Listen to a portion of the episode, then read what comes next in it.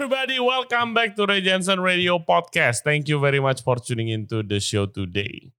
Kali ini topiknya balik lagi ke fermentasi. Kemarin kan kita udah podcast soal makanan-makanan fermentasi yang ada di Indonesia. Nah sekarang kita akan bahas tentang minumannya. Tamu kita kali ini adalah Rahmat Cahyono yang biasa dipanggil Cak Tile. Dia punya Instagram Cak Tile Brewery yang isinya itu dia mendokumentasikan research dia mengenai minuman fermentasi di Indonesia. Nah, hari ini kita akan bahas mulai dari tuak, ciu, arak, sopi, moke, dan masih banyak lagi minuman-minuman fermentasi dari seluruh Indonesia. Dan juga kita mau bahas tentang bisnis dia, Goris, yaitu uh, supplier minuman soda dan juga konsultan bagi restoran-restoran dan kafe-kafe di Jakarta. Hope you guys enjoy the show. Jangan lupa subscribe di Ray Jensen Radio Podcast. Kita ada di YouTube, Spotify, Apple Podcast, Google Podcast, dan Anchor App. Kita juga ada di Instagram, Ray Jensen Radio. Check it out for further updates. Like the video and share it to your friends. Sebarin ke teman-teman kalian. It will really help our podcast grow. Oke, okay, without further ado, please welcome Rahmat Cayono dari Caktile Brewery. Enjoy the show.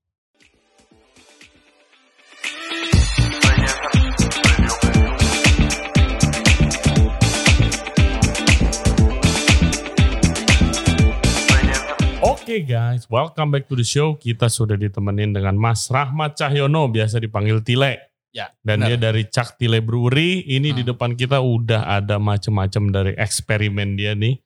Ada apa aja mas? Ini ada soda, ada hmm. bir atau tuak gandum yang ya, ya. uh, ini apa nanti? Ini apa? Ini itu adalah tuak beras, tuak beras atau mungkin mirip-mirip dengan sake atau makoli sih. Oke. Okay. Uh. Yang itu? Yang ini bukan buatan saya, hmm. ini salah satu produk yang saya lirik sebagai produk yang menarik yaitu hmm. Ciuci Kakak okay. dari Banyumas, Jawa Tengah. Nah, Cak Tile sendiri itu apa? Cak Tile itu aku. Iya. Jadi Cak Tile Brewery. Nah, jadi itu adalah kegiatanku terkait hmm. dengan fermentasi yang fokus terhadap riset dan dokumentasi terutama produk-produk fermentasi yang ada di Nusantara. Hmm. Aku bikin, aku juga.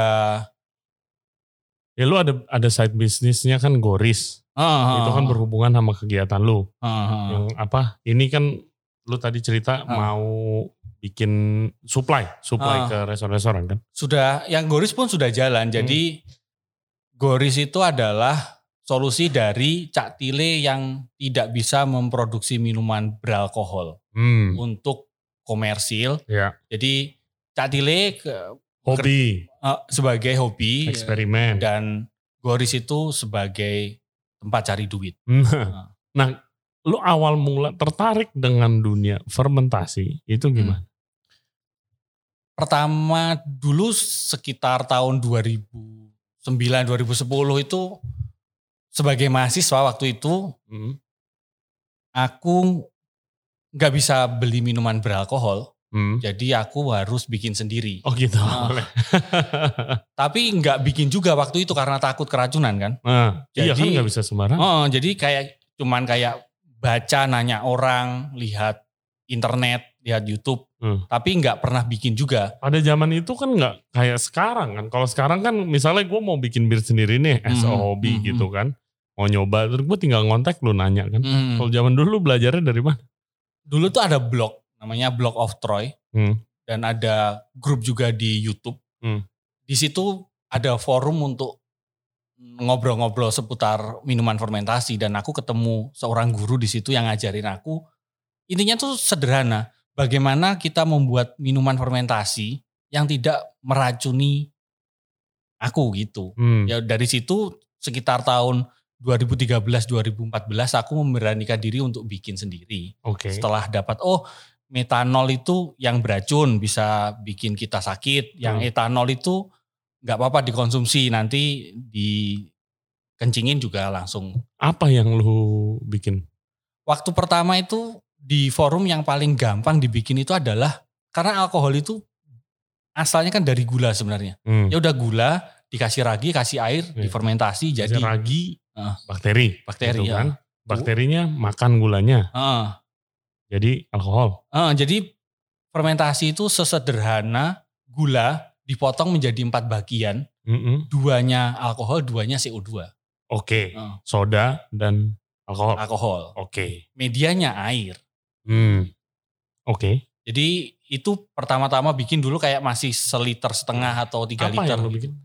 Gula, gula dipanasin dengan air, oh. ditunggu dingin, jadi ram berarti yang lu bikin? Enggak, tua. Oh tua. tua. Oke. Okay. Jadi sebenarnya paling gampang di Indonesia itu minuman dibagi menjadi dua. Hmm. Minuman fermentasi itu jadi tua, hmm. apa pun sebenarnya namanya. Makanya tadi aku nyebut bir itu sebenarnya tua gandum ya. Kalau di Indonesia disebutnya gitu. Uh, harusnya tua aja gitu. Hmm. Kalau minuman difermentasi terus disuling jadinya arak. Oke. Okay. Ya mungkin di sono ada sopi, ada moke, ada ciu, iya. ada arak. Itu sebenarnya ya arak saja gitu. Hmm. Bahkan harusnya vodka dan whisky ya iya, jenisnya arak aja. Oke. Okay. Wow. Iya, tapi kan di Indonesia ada banyak macam-macam kan. Ya itu seperti bahasa saja kan. Hmm. Kayak kayak aku, gue, saya, ayam kan sebenarnya kan ya intinya aku kan. Hmm. Perbedaan tempat jadi bahasanya beda. Nah terus lu mulai mendokumentasikan hmm. terus bikin Caktile Brewery ini Instagramnya hmm. itu hmm. dari mulai kapan? Mungkin 2014 2015 lah. Hmm. Aku mulai banyak ketemu orang, belajar banyak hal, terus sepertinya bisa didokumentasikan. Tak bikinin YouTube-nya buat orang bisa belajar. Hmm. Tak bikinin dokumentasi yang kemarin cuci kakak ini dan mungkin nanti di tempat-tempat yang lain setelah ada kesempatan. Ke Bali, ke lihat orang bikin arak Bali, ke Sulawesi, Manado, hmm. lihat orang bikin sopi atau moke di Iya, lu lu kan suka ngiter-ngiter tuh. Gue lihat hmm. lu kan ada YouTube channel juga guys, hmm. ya kan? Ada YouTube YouTube channel lu apa namanya? Cak Tile Brewery. Cak Tile Brewery di YouTube, check it out. Uh, lu travel around Indonesia, hmm. belajar apa yang lu pelajarin dari kan mereka emang budaya minuman fermentasi, minuman beralkohol mm -hmm. kan itu udah lama banget di Indonesia kan. Mm -hmm. Yang lu pelajarin apa? Ya yes, sebenarnya minuman fermentasi bagi orang-orang di Nusantara itu bukan hanya tentang mabuk sebenarnya. Hmm. Itu bagian dari budaya. Jadi di setiap kegiatan kebudayaan ada. Ya. Dan bahkan di Jawa saat itu minum alkohol itu yang dalam hal ini adalah tua, itu adalah bagian untuk bertemu dengan yang leluhur, leluhur dan yang maha kuasa untuk hmm. menemukan solusi-solusi terhadap masalah. Iya, gue pernah dengar tuh. Hmm. Pokoknya ini sekarang kita lagi ada masalah pandemi gitu ya. ya. Orang-orang yang dituakan, yang berpengaruh hmm. dan raja hmm. itu akan melakukan beberapa hal. Salah satunya minum tua. Hmm untuk mereka menjadi trans uh, pergi ke langit dan iya. bertanya kepada iya. nenek moyangnya terhadap uh, meminta solusi terhadap apa yang terjadi di dunia saat ini. Wow. Wow. Oke. Okay. Itu di zaman Jawa kuno sebelum. Iya, Jawa kuno sebelum oh. ada agama apa pun yang masuk. Iya dong. Iya, ya, tapi sampai sekarang kan masih ada dipraktekin kan beberapa. Masih tapi mungkin tidak terjangkau oleh saya. Saya belum bertemu dengan orang-orang yang melakukannya. Hmm, nah terus lu udah pergi ke mana aja, Mas? Aku tuh sebenarnya sudah di Jawa, Jawa saja, terus Medan di Tua. Jadi menarik sekali sebenarnya bagaimana orang Sumatera Utara yang orang Batak itu membuat tuaknya, hmm. dengan orang Bali membuat tuaknya, atau orang Sulawesi membuat tuaknya itu sebenarnya hampir sama tapi ada sedikit perbedaan yang oh ini tuh tua Medan gitu, tua. Apa bedanya? Ini sambil kita minum apa nih? Ya. Kita boleh gua buka yang mana? Silakan silakan. Ini nah, madu, ini, ha, tuak madu. Tuak madu, oh. guys. Tuak madu. Luar biasa. Meat. Ah, meat. Uh, mungkin orang Viking menyebutnya dengan meat. Iya. Uh. Base-nya madu. Luar biasa. Oke. Okay. Terus yang lu, bedanya apa tuh? Kalau Jadi, dari Medan atau Di Medan itu ada namanya kayu raru. Kayu raru. Uh. Oke. Okay. Kayu raru itu fungsinya seperti hops di bir. Uh-uh. Apa tuh gunanya? Rasa pahit dan aroma okay. Okay. di situ. Mm-hmm. Itu berbeda di tua-tua daerah lain tidak ada itu. Mm. Jadi ada pahitnya. Ada pahitnya, lebih pahit cenderung pahit kayak bir yang lebih pahit. Nah kalau ciu tuh termasuk apa? Ciu tuh harusnya masuk ke arak. Karena disuling. Disuling. Bahannya dari apa sih? Ciu di Indonesia itu ada dua tempat. Hmm. Jadi Ciu Banyumasan dan Ciu Bekonang Solo. Hmm. Kalau Ciu Bekonang itu terbuat dari molasses. Oke. Okay. Tebu. Hmm. Jatuhnya mungkin eh, secara umum dikenal dengan ram itu. Hmm. Tapi kalau oh, hmm, kalau Cikaka yang hmm. Banyumas itu berbeda karena dia dibuat dari gula merah yang hmm. sudah jadi gula merah loh. Hmm. Jadi ada proses pemanasan di niranya yang akhirnya ada aroma-aroma asap yang masuk ke dalam alkoholnya. Hmm. Ini sangat menarik sebenarnya. Iya. Tidak banyak diketahui orang. Orang mungkin tahu ciu itu ya dari Solo, ciu Konang yang sebenarnya tidak dibuat untuk diminum. Buat apa jadinya? Itu ya sumber-sumber hand sanitizer, sumber-sumber uh, memang industri. Jadi sangat murah, uh. dikelola dengan tidak standar pangan lah. Oh gitu. Oh, jadi memang aku main ke sana bikin video juga tapi tidak tak upload karena memang kayaknya nggak buat diminum gitu. Oh gitu. Oh. Oh, ada macam-macam ya. Hmm. Iya, ada kegunaannya macam Enggak semuanya buat diminum. Hmm, ya, itu istilahnya ya alkohol industri itu loh. Iya. Mereka nah, pun punya izin untuk memproduksinya sebagai alkohol industri. Iya, tapi oh. bukan diminum. Bukan untuk diminum. Iya, ya, kegunaan alkohol kan bukan buat diminum doang. Hmm, itu yang nanti bisa bahaya tuh kalau diminum. Nah, gitu. Nah apakah yang kalau begitu-begituan yang diminum karena kan persepsi hmm. market nih tentang liker-liker Indonesia itu kan hmm. kan rada negatif sebenarnya kan. Nah itu itu kan memang harus kerja bareng, hmm. bukan hanya oleh pembuatnya, hmm. oleh pemerintah sebagai pengambil kebijakan toh, hmm. terus seba, uh, masyarakat juga. Jadi semakin dilarang sebenarnya potensi alkohol meracunin masyarakat itu semakin tinggi. Hmm. Tapi kalau dikelola dengan baik, ada pendampingan, oh gini loh bikin alkohol yang aman, ada yang, standarnya, uh, yang standarnya gitu. Itu menurut saya akan jauh lebih bagus. Ya orang gimana nggak keracunan alkohol karena dia tidak mampu membeli alkohol yang berkualitas, dia mengkonsumsi Seadanya. alkohol yang ada di depannya yang sebenarnya tidak standar pangan. Ini enak banget. Yang madu ya? Iya. Iya. Enak banget ini. Terima kasih. Ya ini meat kan. Meat. Nah, meat. Ah, tapi aku tidak akan menyebutnya dengan meat. Hmm. Aku akan menyebutnya dengan tuak madu. Tuak madu. Karena aku iya. orang Indonesia. Betul, iya. betul. Tapi takutnya salah loh diralat sama orang Viking. Ini bukan meat meat itu harus begini begini begini. Oh iya. iya, iya tapi kan ya ada karakternya beda-beda hmm. gitu kan. Tuak madu jelas nggak ada yang ralat hmm. karena punya aku sendiri. ya. Gitu. Lu pernah gak dalam masa eksperimen lu mungkin awal-awal kan fermentasi itu butuh waktu yang lumayan lama. Hmm, hmm, hmm. Gagal? Aku sih belum pernah gagal kalau bikin luar biasa fermentasi minuman. Hmm. Kalau fermentasi yang lain gagal. Fermentasi apa ini? Aku nyoba gitu. bikin keju, hmm. gak jadi. Hmm. Aku nyoba bikin sordo, gak jadi. Aku bikin sordo tuh jadinya batu bata. Kayaknya memang nggak nggak bisa. Emang bukan tangannya bukan fermentasi makanan. Bisa berarti. jadi kayak gitu. Tapi kalau hmm. minuman sih belum pernah. Kayaknya fermentasi minuman tuh paling gampang sih hmm. daripada fermentasi roti yang bikin. Kan fermentasi roti itu selain melakukan fermentasi kan ada banyak hal yang harus dilakukan di situ tuh mas. Hmm. Itu yang yang gagal kayaknya yang di situnya tuh. Oke. Okay. Iya ada hitungan sendiri bakery ya. Ngadonnya itu. Hmm, hmm, hmm. Itu yang gagal kayak di situ. Jadi batu bata. Tak lempar gini dak gitu. Terus uh, Oke ini kan hobi lu nih. Hobi-hobi ya. Iya ini kan hobi lu. Karena kan ya pasti kepentok soal izin soal apa gitu kan. Iya. Nah terus lu cari uangnya di Goris tadi kan. Hmm, hmm. Nah jasa apa buat listener kita yang hmm. Goris uh, sediakan nih? Goris itu konsultasi maupun produksi -hmm. yang berkaitan dengan minuman apa pun. Mm. Jadi partner saya si Abi itu kan mm. latar belakangnya di industri kopi. Jadi okay. dia punya banyak pengalaman di sana. Aku punya pengalaman di industri fermentasi, eh bukan industri, eh, di hobi fermentasi kan. Mm.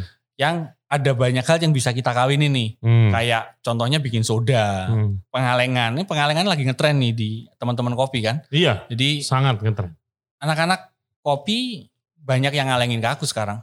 Hmm. Kita bikin jasa pengalengan atau bahkan beli sekopinya ke aku juga bisa karena Abi kan anak kopi. Ah, dia ada biji kopi banyak di sini. Nah, terus ini ada di sini ada soda, Hmm, peach soda. hmm. Ini lo yang bikin. Itu aku juga yang bikin. Ada peach, ada apel. Heeh. Eh, itu Gimana idenya keluar dari sini? ini sebenarnya trennya adalah minuman soda yang seperti bir tapi tidak beralkohol. Mm-mm. Ada permintaan di situ kita Hmm. bikinin. Jadi bahannya sebenarnya persis dengan bahan buat bikin bir, Hmm. tapi tidak difermentasi. Oke. Jadi nggak nggak menghasilkan alkohol kan. Mm. Di situ terus disodain, kita kalengin. Ada beberapa tempat yang sudah pakai produk kita. Oh my god, boleh disebutkan mungkin kalau mau udah boleh disebutin belum?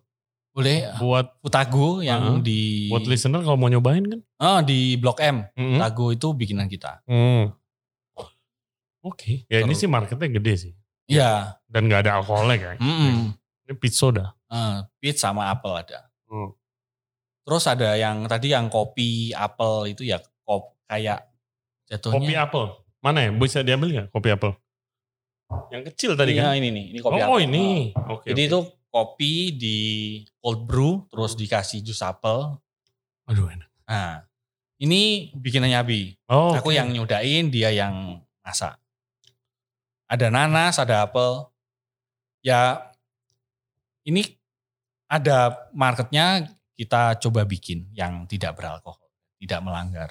Ya, gila unik ya. I mean, gua aja nggak tahu loh ada konsultasi perusahaan konsultasi minuman dan Hmm. kayak misalnya gue punya bar atau gue punya restoran, gue bisa, Mas, Mas Ahmad, gue mau bikin minuman nih kayak gini, kayak gini, kayak gini, bisa tolong bikinin gak? Nanti gue beli dari lu gitu. Mhm, Kayak Bisa, gitu kasarnya. Yang terbaru kita bikin Negroni, Mm-mm. tapi tidak beralkohol.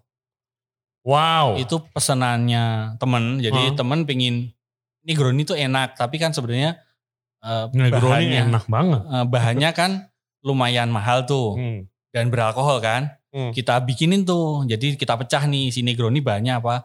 Ada gin, kita pecah nih ginnya pakai apa, yang Hmm. penggantinya si vermouthnya pakai apa, terus si kamparinya pakai apa. Masih dalam proses riset.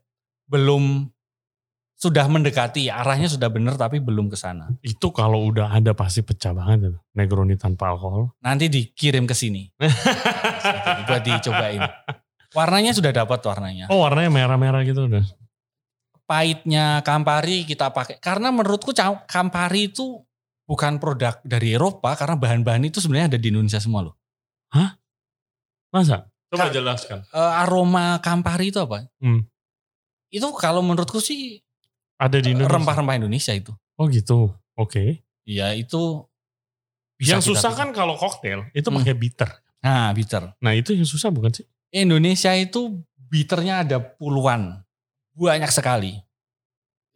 Kalau gede di Jawa kita tahu jamu pahitan, Heeh. brotowali, Iya. terus Ya akar-akarannya. akar-akaran itu pahit. Si Angostura. Biasanya kan kalau bitter mereknya Angostura. ya sebenarnya kayaknya sama-sama Campari deh bahannya kan. Hmm. Akar-akaran juga. Hmm. Itu akar-akar di Indonesia itu banyak substitusinya buat pahit saja. Hmm. Eh, yang tua Medan ada kayu raru itu kan pahit juga. Hmm. Ya kita Oh jadi bisa disubstitusi. eh, eh, kejar pahit yang ke situ dengan aroma ke situ. Oke.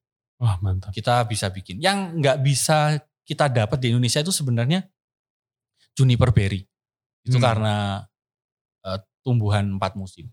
Hmm. Juniper berry, hops itu nggak bisa. Iya. Mm. Oh hops itu harus 4 musim. Setahu saya nih, ya dengan pengetahuan yang cetek ini, Hmm. hops itu adalah wangi dan pahitnya hops itu adalah minyak. Metode dia terhadap pertahanan terhadap salju. Ah. Jadi ada seorang teman yang bisa nanam hops di Indonesia, tapi jadi bunga doang, nggak ada wangi sama pahitnya. Oh tumbuh mah tumbuh. Hmm, tumbuh, tapi Oh. nggak ada minyaknya itu. Wah gila. Jadi sampai sekarang sih bir-bir di Indonesia semuanya hopnya impor. Hmm. Belum ada penggantinya. Mungkin kalau pahit mah bisa dikejar macam-macam, tapi wanginya itu yang wangi Masih susah. craft beer itu yang Oke, oke. Oke, guys, eh, kita akan potong dulu sebentar. Abis ini kita akan nyobain eh, craft beer lu. hmm, silakan silakan. Oke, siap. Oke Mas Tile silakan dibuka mungkin ini karena tuak gandumnya. Ini hal yang baru saya pelajarin. Jadi hmm. belakangan ini kan craft beer dat datang ke Indonesia. Saya hmm. baru belajar. Hmm, hmm, hmm. Bukan bikin bir tapi bikin tuak gandum. Oke. Okay. Ya. ini tuak gandum putih. Hmm. Isinya air, gandum, ragi dan hops. Dan hops. Oke. Okay warnanya cenderung kuning keemasan. Nah, prosesnya sendiri kalau mau bikin bir itu berapa lama sih? Bikin bir itu ya masak sehari, hmm. fermentasi tujuh hari, nanti dikalengin atau dibotolin di ujung hari, ya sepuluh hari lah mas. Hmm. Tapi lu bilang mestinya kalau orang mau bilang craft beer itu raginya harus hidup. Aku pernah dengar kayak gitu. Jadi hmm. istilahnya unpasteurized pasturisasi. Iya. Itu. Tidak dipasturisasi. Mm, gitu kan. Jadi, jadi raginya masih hidup. Masih hidup. Hmm. Itu seperti wine yang tidak di natural wine yang ya, tidak dimatiin. Oke, oke. Okay. Lalu nggak eh, yang satu lagi apa? Yang satu lagi ini bir hitam. Mm -hmm.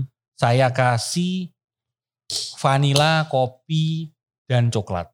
Biar kayak tiramisu. Hmm. Gitu. Makanya lu namain biramisu. Uh -uh. Okay. Ala-ala aja mas ini iya. mas. apa apa yang membuat birnya hitam? Jadi sebenarnya gandum itu diperlakukan hampir seperti kopi mas. Di roast? Uh, di roast yang gosong itu jadi hitam. Kalau ngerosnya tengah-tengah jadi medium. Kalau di bawahin lagi ya jadi light gitu.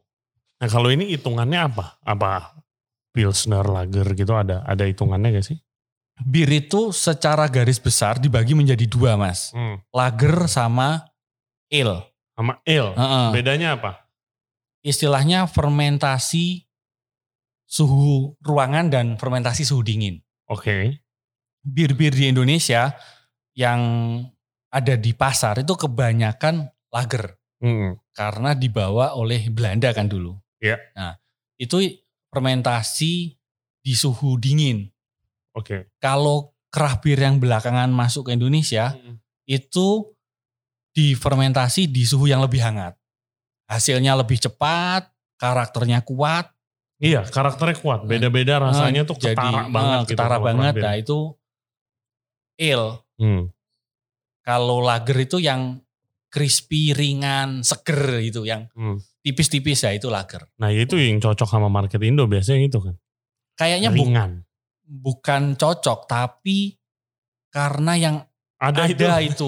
ya, memang kayak ya udah itu semua. Tapi sekarang sangat diterima. Hmm. Yang nggak diterima mungkin di harga sih mas. Hmm. Kerah bir itu karena dibikin dari luar, hmm. jadi harganya masih sangat mahal sebenarnya. Iya. Ya segelas bir seratus ribu gitu. Hmm. Gak bisa setiap hari dong. Oh iya gak bisa. Tapi kan sekarang banyak yang bikin-bikin juga kan. Ya tapi bikinnya di rumah untuk diri sendiri. Hmm. Dijual. Aduh enak. Kenapa, kenapa lu tertarik banget sih sama dunia fermentasi ini? Lu kan desainer grafis. Ya, ya seperti yang tak bilang tadi, hmm. aku nggak kuat beli minum, bikin minuman sendiri. Walaupun hmm. ke semakin ke sini, aku belajar fermentasi yang lain, hmm. apalagi sejak tergabung dengan Fermenusa ya aku yes. belajar dengan bikin tempe, belajar bikin acar, hmm. belajar bikin tempoyak, tahu tempoyak? Uh, duren. Duren hmm. itu. Itu diapain sih tempoyak buat yang belum tahu nih listener kita? Itu fermentasi produk dari uh, duren. Ini aku cerita gedeannya dulu ya. Yeah. Fermentasi itu setauku hmm. bahannya itu cuma dua. Hmm. Gula atau uh, uh, bukan namanya adalah protein. Mm-hmm. Nah, jadi kalau protein difermentasi jadi umami, mm-hmm. kalau gula difermentasi menjadi cuka atau alkohol.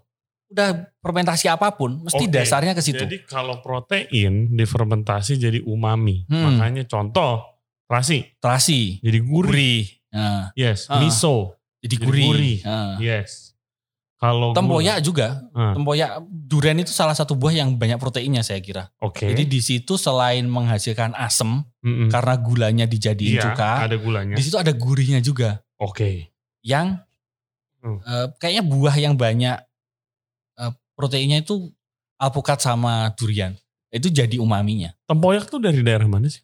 Tempoyak itu sebenarnya makanan khas dari daerah-daerah penghasil durian. Oke. Okay. Yang di Indonesia kebanyakan Sumatera sama Kalimantan. Hmm. Uh, aku punya pengalaman di Bengkulu yang tempoyaknya enak-enak banget. Hmm. Itu seperti orang Jawa Timur menggunakan terasi sebenarnya. Oh di dipergunakannya untuk itu? Uh, umami bom. Uh, untuk, untuk umami uh, gitu. Um. Oh wow, tapi ada asamnya juga gitu. Ada asamnya, bedanya itu. Gue belum pernah nyobain tempoyak nanti main ke Goris kita bi masakin tempoyak. ya. Harus harus bikin konten di di Goris. Bisa bisa. Oke. Okay. Terus gitu. lu kan ya guys kita kan belum lama upload juga sama Kang Harnas mm -hmm. Permenusa. Mm. Lalu wakil. Ya itu jadi ada sembilan orang yang bikin Permenusa foundernya salah satunya saya. Ada posisi yang masih kosong dan hmm. ada satu orang yang masih nggak ngapa-ngapain. Ya hmm. Ya udah aku disuruh mewakilin Pak Bambang apa sih aktivasinya Fermenusa? Aktiva, Fermenusa itu adalah kolektif yang sekarang berbentuk koperasi hmm. yang kerjanya adalah melakukan pendampingan terhadap uh, makers atau petani-petani hmm. produk Penggiat fermentasi. Ya. Jadi kita lakukan pendampingan di Bali ke pengrajin-pengrajin arak, membantu mereka menghasilkan produk yang lebih bagus, yang lebih hmm. berstandar. Hmm uh, membantu mereka membikinkan media kalau dibutuhkan branding ya, buat, buat lebih branding uh, ya. branding lebih terus dikenal. pemasaran dibawa ke Jakarta dilakukan pameran lebih ke situ. Kayak tempe kita bareng sama tempe movement terus hmm. kecap. Hmm. kecap kecap di Indonesia itu unik banget kecap sebenarnya itu sangat menarik. Kecap Indonesia itu unik karena satu-satunya tempat di dunia yang menghasilkan kecap manis itu hanya Indonesia. Betul. Ya itu kurang kita ramekan sebenarnya. Hmm. Kita taunya kecap-kecap nasional kan, hmm. yang brand-brand gede. Yeah. Tapi sebenarnya di sono itu di pelosok-pelosok itu ada kecap-kecap unik yang rasanya yes. itu beda di setiap tempat. Gue juga baru tahu karena ada salah satu yang gue undang. Uh-huh. Nggak tahu lo kenal namanya Kang Seto. Seto ya. Nur Seto. Dia kan salah kenal. kolektor kecap tuh. Uh-huh. Dan baru mulai dia. Uh-huh. Dia bilang dia cerita dia ketemu banyak banget kolektor uh-huh. kecap gitu ah. loh dia karena sebanyak itu ah. kecap manis uh, budaya kecap manis tuh udah. Tadi pagi aku chatting dm dm sih sama dia. Oh iya. Kita sering ngobrol. Sesama peminat fermentasi. Iya ternyata banyak juga ya peminatnya. Ya. kalau marketnya sendiri gimana? Ya kalau kan kebanyakan oke okay, kecap of course ada marketnya. Uh, bir of course marketnya uh, gede uh, banget gitu kan. Uh, terasi banyak dipakai tempe apalagi. Uh. tapi kan orang banyak yang nggak tahu itu produk fermentasi sebenarnya ya kan? Ya, ya karena bagi mereka ya taunya enak aja itu hmm. mau mau diapain juga terserah. Hmm. Ya, tapi semakin ke sini konsumen kan semakin pinter. Ada produk ini eh, baik untuk lingkungan apa enggak, baik untuk badan dia atau enggak. Ya di situ yang mungkin nanti bisa kita sosialisasikan sebagai fermenusa. Hmm. Jadi tempe itu loh membantu petani-petani gitu. Tempoyak atau produk fermentasi lainnya itu bisa menampung produk-produk yang melimpah di panen raya. Mm -hmm. Pokoknya Kediri ini lagi musim tomat gitu kan, mm -hmm. melimpah. Mm -hmm. Harga murah, petani harganya anjlok kan. Yeah. Nah itu harusnya fermentasi datang sebagai solusi mengawetkan produk-produk mereka yang melimpah untuk disimpan. Kan kalau fermentasi nambah usia tuh. Iya, dijadi gitu. preservasi. Mm -mm, Dijadiin produk apa lagi yang bisa dijual gitu. Mm -mm. Itu yang mungkin belum kita sampaikan ke teman-teman. Ya pelan-pelan mas. Hmm. Namanya bisa diapain aja. Anggap tomat gitu. Hmm. Sesederhana saus tomat yang enak, yang bener ya. Hmm. Kan ya tomat difermentasi harusnya. Iya mestinya. Mm -mm. Kalau zaman dulu uh. tomatnya fermentasi dulu. Mungkin di Eropa masih pakai itu sih. Mm -hmm. Si pokoknya jamur digarumin, dijadiin garum. Iya, uh. jadi mushroom Iya, garum gitu ya. Garum itu adalah semacam ya kecap kayak kecap ya. Kalau orang Indonesia taunya, kan orang Indonesia nggak tahu garum. Ya, iya tauco lah tauco. Hmm. Produk fermentasi yang umurnya panjang, hmm. rasanya lebih enak gitu. Jangan salah, sekarang tempe itu jadi menunya restoran Michelin bintang 3 di Eropa sono. Oh kan? iya. Tempe tuh gila banget. Ya, berarti hanya masalah waktu nanti tua itu menjadi barang yang digemari orang-orang di Eropa. Amin. Sana. Tapi sayangnya ya kalau tempe nih, saya lihatnya. Uh. Kalau ini sempat ngomongin juga sama Kang Harnas kemarin. Hmm. Kalau kimchi, hmm. orang udah tahu hmm. ini produknya Korea hmm. gitu. Kalau tempe, tempenya mah udah ngebum. Hmm. Tapi nggak ada yang tahu asalnya itu di Indonesia. Lah, itu memang harus kerja bareng, Mas. Hmm. Jadi industri kreatif umpamanya film atau televisi ngangkat juga dong. Pemerintah melakukan pendampingan. Ya kalau pengusaha tempe atau pengrajin tempe ya udah bikin aja dijual besok belanja lagi bikin lagi mereka nggak hmm. nggak mikir ke situ yang skalanya gede ya dipikir oleh orang yang punya wewenang lebih gede. Yeah. Pengrajin tempe mah nggak bakal mikir itu tuh. Iya. Mm -mm. Tapi ngerti kan maksud saya kan. Uh. Yang nih tri Michelin star ini mm. dia nyajin tempe nih. Mm Tapi mungkin dia nggak tahu kali tempe itu aslinya dari Indonesia. Harusnya tahu sih. Ya kalau yang tri Michelin star begitu. Uh, gitu. Konsumennya mungkin yang nggak tahu iya, ya. konsumennya. Tapi uh. bedanya kalau sama kimchi gitu mm. kan mereka langsung tahu oh ini makanan Korea. Mm. Gitu loh. Ya missing linknya tuh di situ menurut saya. Mungkin diawali semua brand gede itu dicintai dulu di negaranya mas, baru gede di luar sono. Iya betul. Kalau tempenya di sini dianggap sebagai produk tempe yang cemen, ya nggak bakal kamu iya. jadi gede. Kon konotasinya dong. kan kayak ya tempe lu gitu. Oh, eh, Jack Daniel bisa gede di dunia di Indonesia disenengin orang ya karena orang Amerika bangga dengan Jack Daniel tuh. Mm. Ya wine-wine Eropa Iya. Itali dan Perancis orang Perancis ya bangga hanya mau minum wine bikinan kampungnya gitu. Ya kita mesti seneng dulu dengan produk-produk itu baru ngomongin di sono-sono gampang. Iya harus diterima dulu dengan masyarakat di negaranya. Mm -mm, jangan jadi jargon doang yang konsumsi hmm. produk-produk Indonesia ya benar-benar dicintai. Enak kok enak. Hmm. Tapi sekarang cinta dengan produk lokal itu kan lagi itu banget kan. Kalau saya lihat dari segi marketingnya nih ya, ayo cintai produk lokal gini gini gini. Tapi kalau realnya itu apakah itu kejadian juga makin rame nih orang yang nyari lokal daripada impor?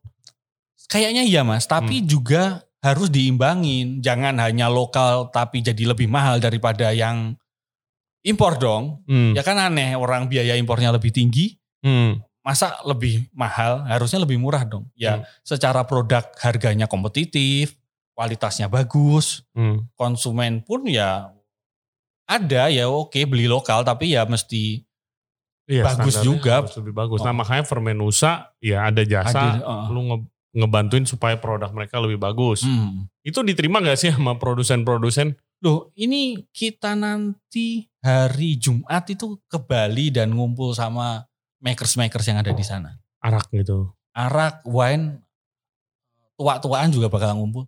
Oke. Okay. Nah, diumumin di IG yeah. Fermenusa tadi pagi. Oke. Okay. Hmm. IG-nya guys kalian follow ya. Siapa nah. tahu ada yang mau ikutan nanti. Fermentasi Nusantara. Hmm, fermentasi Nusantara. Jumat ada di Bali. Iya nanti, iya kalian akan apa penyuluhan gitu kali ya? Enggak ngobrol-ngobrol saja. Oh. Enggak, nanti jatuhnya kayak guru. Orang bisanya cuma gitu-gitu. Pendamping, berteman aja gitu. Hmm.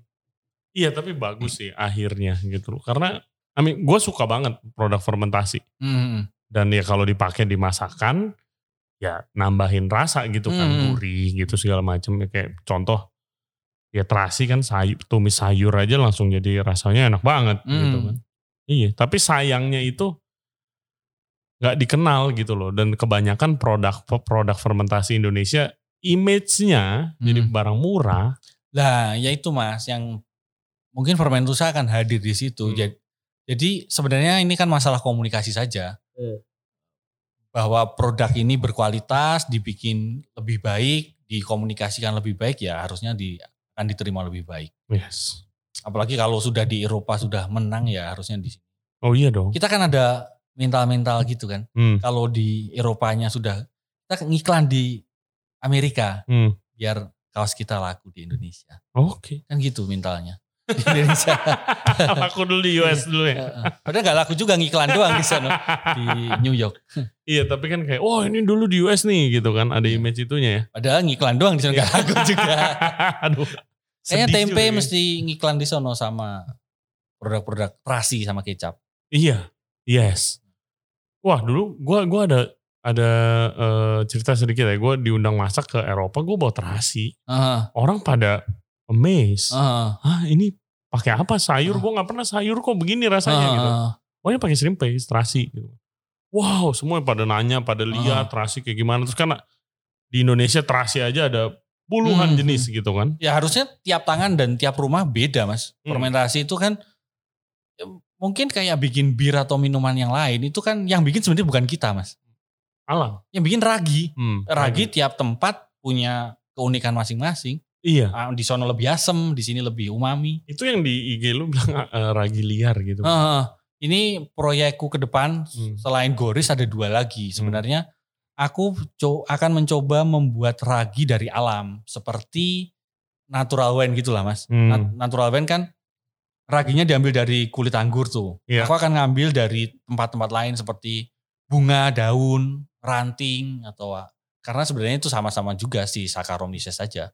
Eh, yang merepresentasikan tempat itulah gitu kan. Jadi ragi sini sama ragi sono beda hmm, gitu. Itu kayak suku aja mas. Hmm. Orang Batak sama orang Jawa ya beda gitu. sama tapi beda ya. hmm. ya karena mungkin rumahnya agak di gunung satunya di pantai iya. gitu kan karakternya beda-beda sebenarnya sama-sama tapi iya ragi itu juga bisa beda jauh begitu ya tempat A ke tempat B gitu wanginya yang dihasilkan gitu.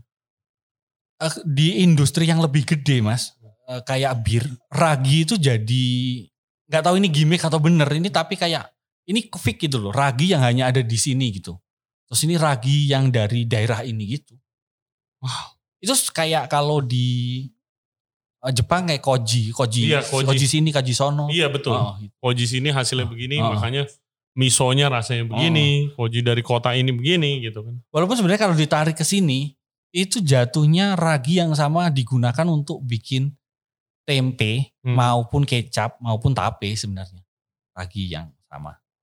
Oh sama? Hmm, itu sama. ya? Aspergillus. Uh, jadi Apa itu? ragi itu ada yang merubah karbohidrat menjadi gula, ada yang merubah gula menjadi alkohol, hmm. ada yang merubah gula menjadi cuka, hmm. ada yang merubah protein jadi umami. Udah oh, itu itu oh, aja bedanya itu. Uh, oh. Kalau ragi yang merubah gula menjadi alkohol, hmm. dia tidak boleh, dia tidak tidak membutuhkan oksigen. Oke. Okay. Makanya fermentasinya tertutup istilahnya. Iya, makanya nggak boleh kena oksigen. Anaerobik. Hmm. Kalau ragi-ragi yang penghasil cuka itu membutuhkan oksigen untuk hidup. Hmm. Makanya kayak bikin kombucha hmm. di atasnya cuma dikasih kain tuh. Iya. Biar oksigennya tetap masuk. Tetap masuk. Jadi nanti ragi penghasil cukanya dominan, hmm. ragi penghasil alkoholnya kalah.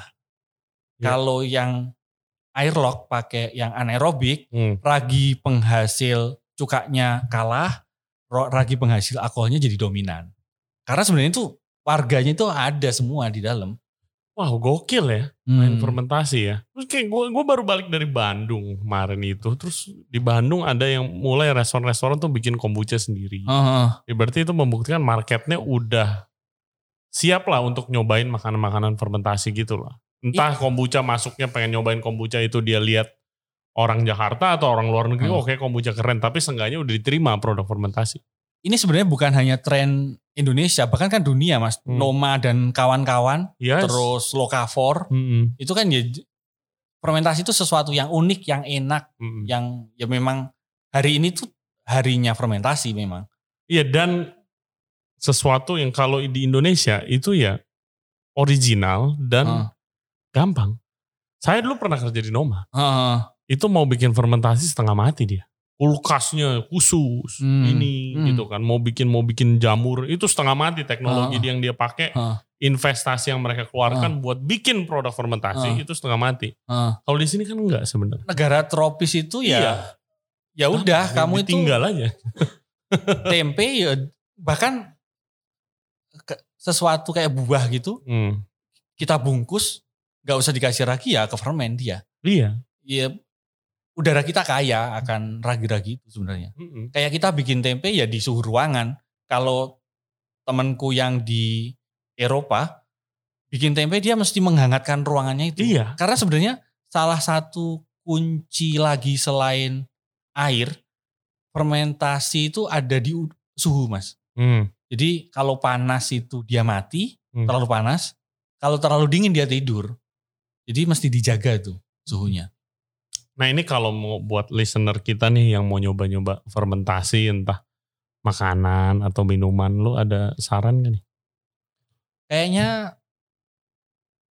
lihat di Fermenusa itu fermentasi Nusantara hmm. itu ada banyak makers-makers yang pernah diundang di Instagramnya Kang Harnas hmm. yang dibawakan oleh Kang Harnas. Di situ ada tempe, ada kecap, ada wheat time yang kemarin tuh hmm. yang wheat time. Uh, oh, time. itu baru ke sini. Si hari Jumat ke sini dia. Kriska sama Katya. Iya.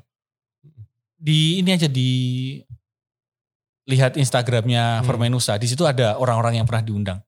Yes, dan hmm. kalian nggak pernah tahu loh guys, lu mulai fermentasi, siapa tahu jadi something ya hmm. kan jadi duitnya jadi bisa kayak dia ini desain grafis tadi awalnya nih sama satu lagi mas proyekku ini lagi dalam proses mm -hmm. jadi aku pengen menampung produk-produk mm -hmm. yang tidak dijual tidak bisa dijual karena kurang bagus mm -hmm. untuk tak fermentasi contoh apa Maksudnya di supermarket ada uh -huh. roti yang sudah kurang bagus tapi masih mm -hmm. sebenarnya masih bisa dikonsumsi mm -hmm. mau tak ferment mm -hmm.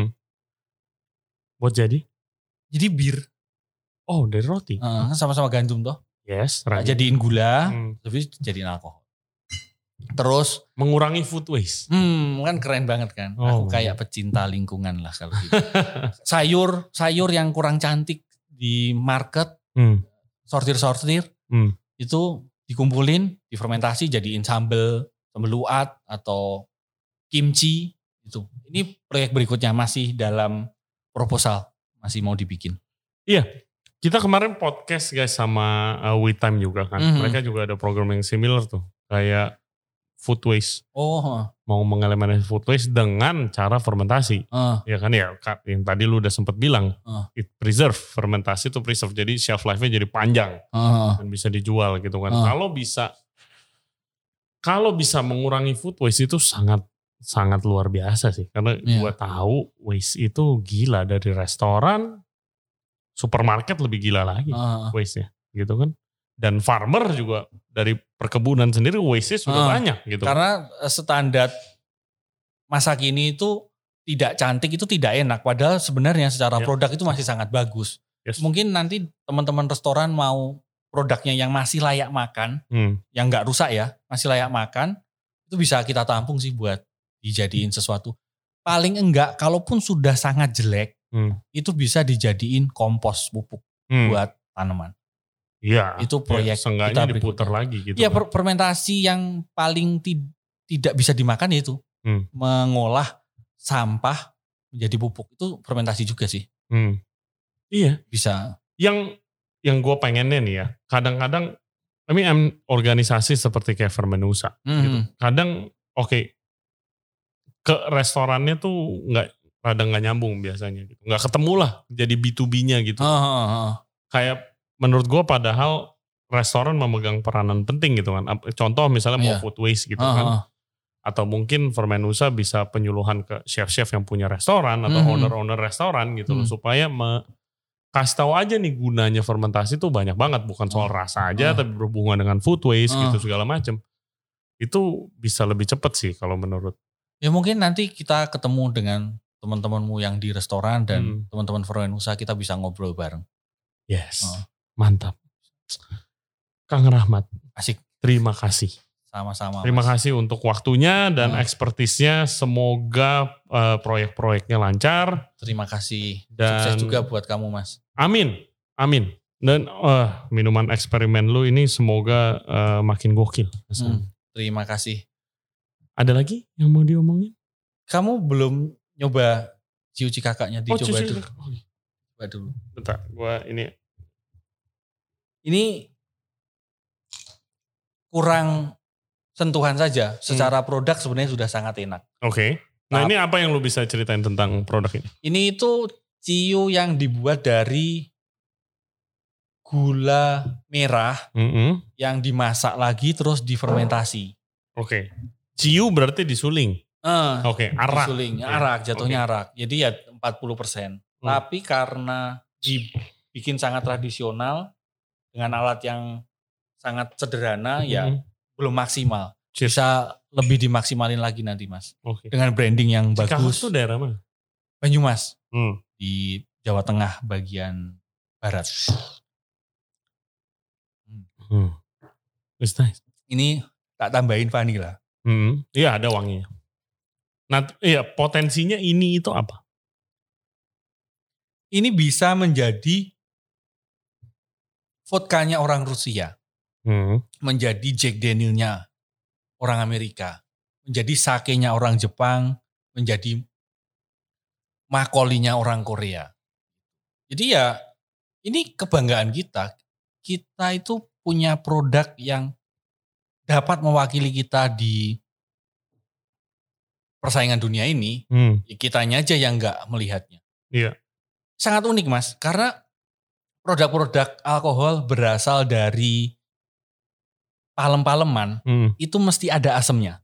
Hmm. Itu tidak kamu temuin di sono. Iya. Asemnya iya. yang bukan asam cuka ya. Iya. Asam-asam minuman beralkohol lah. Hmm. Itu tidak kamu temuin loh di mana-mana. Iya. Kamu nyoba ram, kamu nyoba vodka, iya. nyoba Iya, lu, lu mau asam ya paling wine. Eh, tapi ada, beda kan asam, asamnya beda, beda. Asamnya sama, sepet lebih uh, sepet.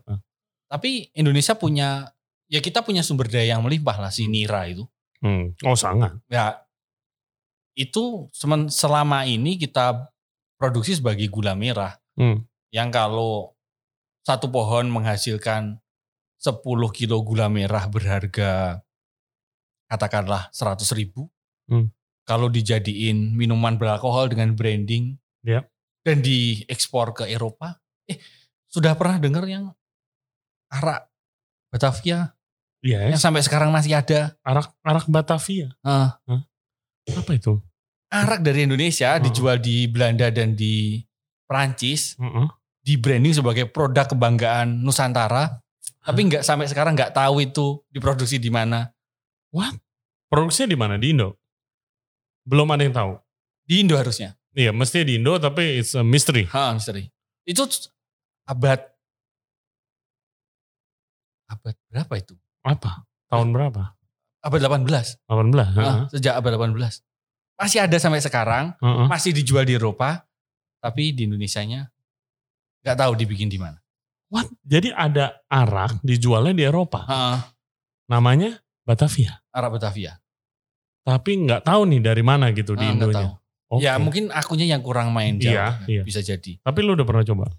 Belum kan nggak dijual di Indonesia juga? Oh iya, iya nggak dijual. Gue gue cuma pernah di Eropa ah. itu eh, di setiap bar ada minuman liker namanya itu pisang Ambon. Aha. Pisang Ambon namanya pisang Ambon ada pisangnya. Hmm. Tapi gua gua nggak pernah lihat juga itu di Indonesia.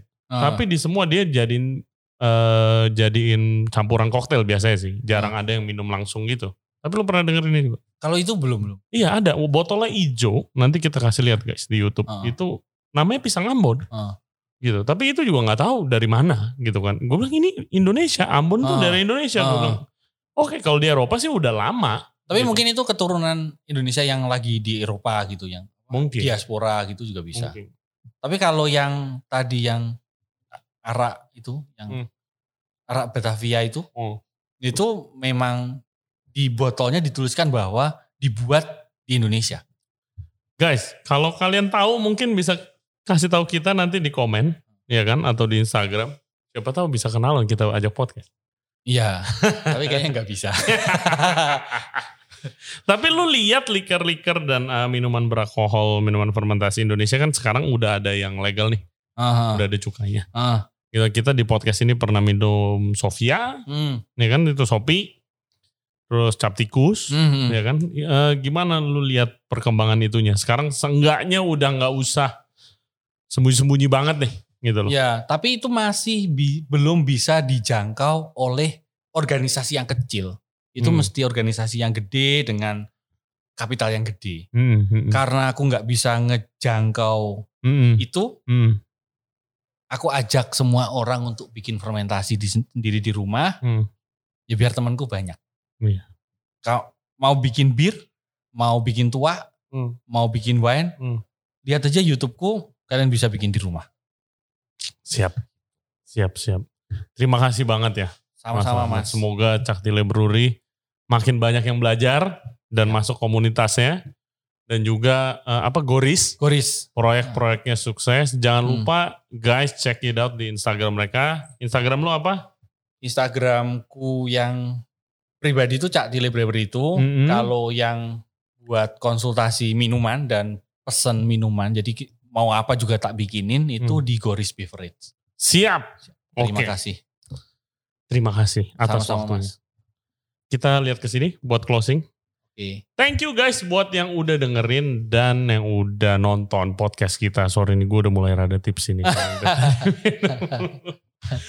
Thank you very much ya guys buat semuanya. Jangan lupa kalau mau belajar fermentasi kontak Caktile Brewery atau Goris di Instagram. Kalian juga bisa nanya-nanya atau mau mulai fermentasi sendiri di rumah silahkan tanya langsung ke Mas Rahmat. Oke, jangan lupa subscribe di Regensen Radio YouTube channel. Kita juga ada di Spotify, Apple Podcast, Google Podcast, dan Anchor App. For further updates, bisa cek Instagram kita di Regensen Radio. Oke, hidup fermentasi Indonesia. Mantap. See you later. Thank you very much. We'll see you next time. Bye-bye. Thank you. Terima kasih, Mas. Terima kasih.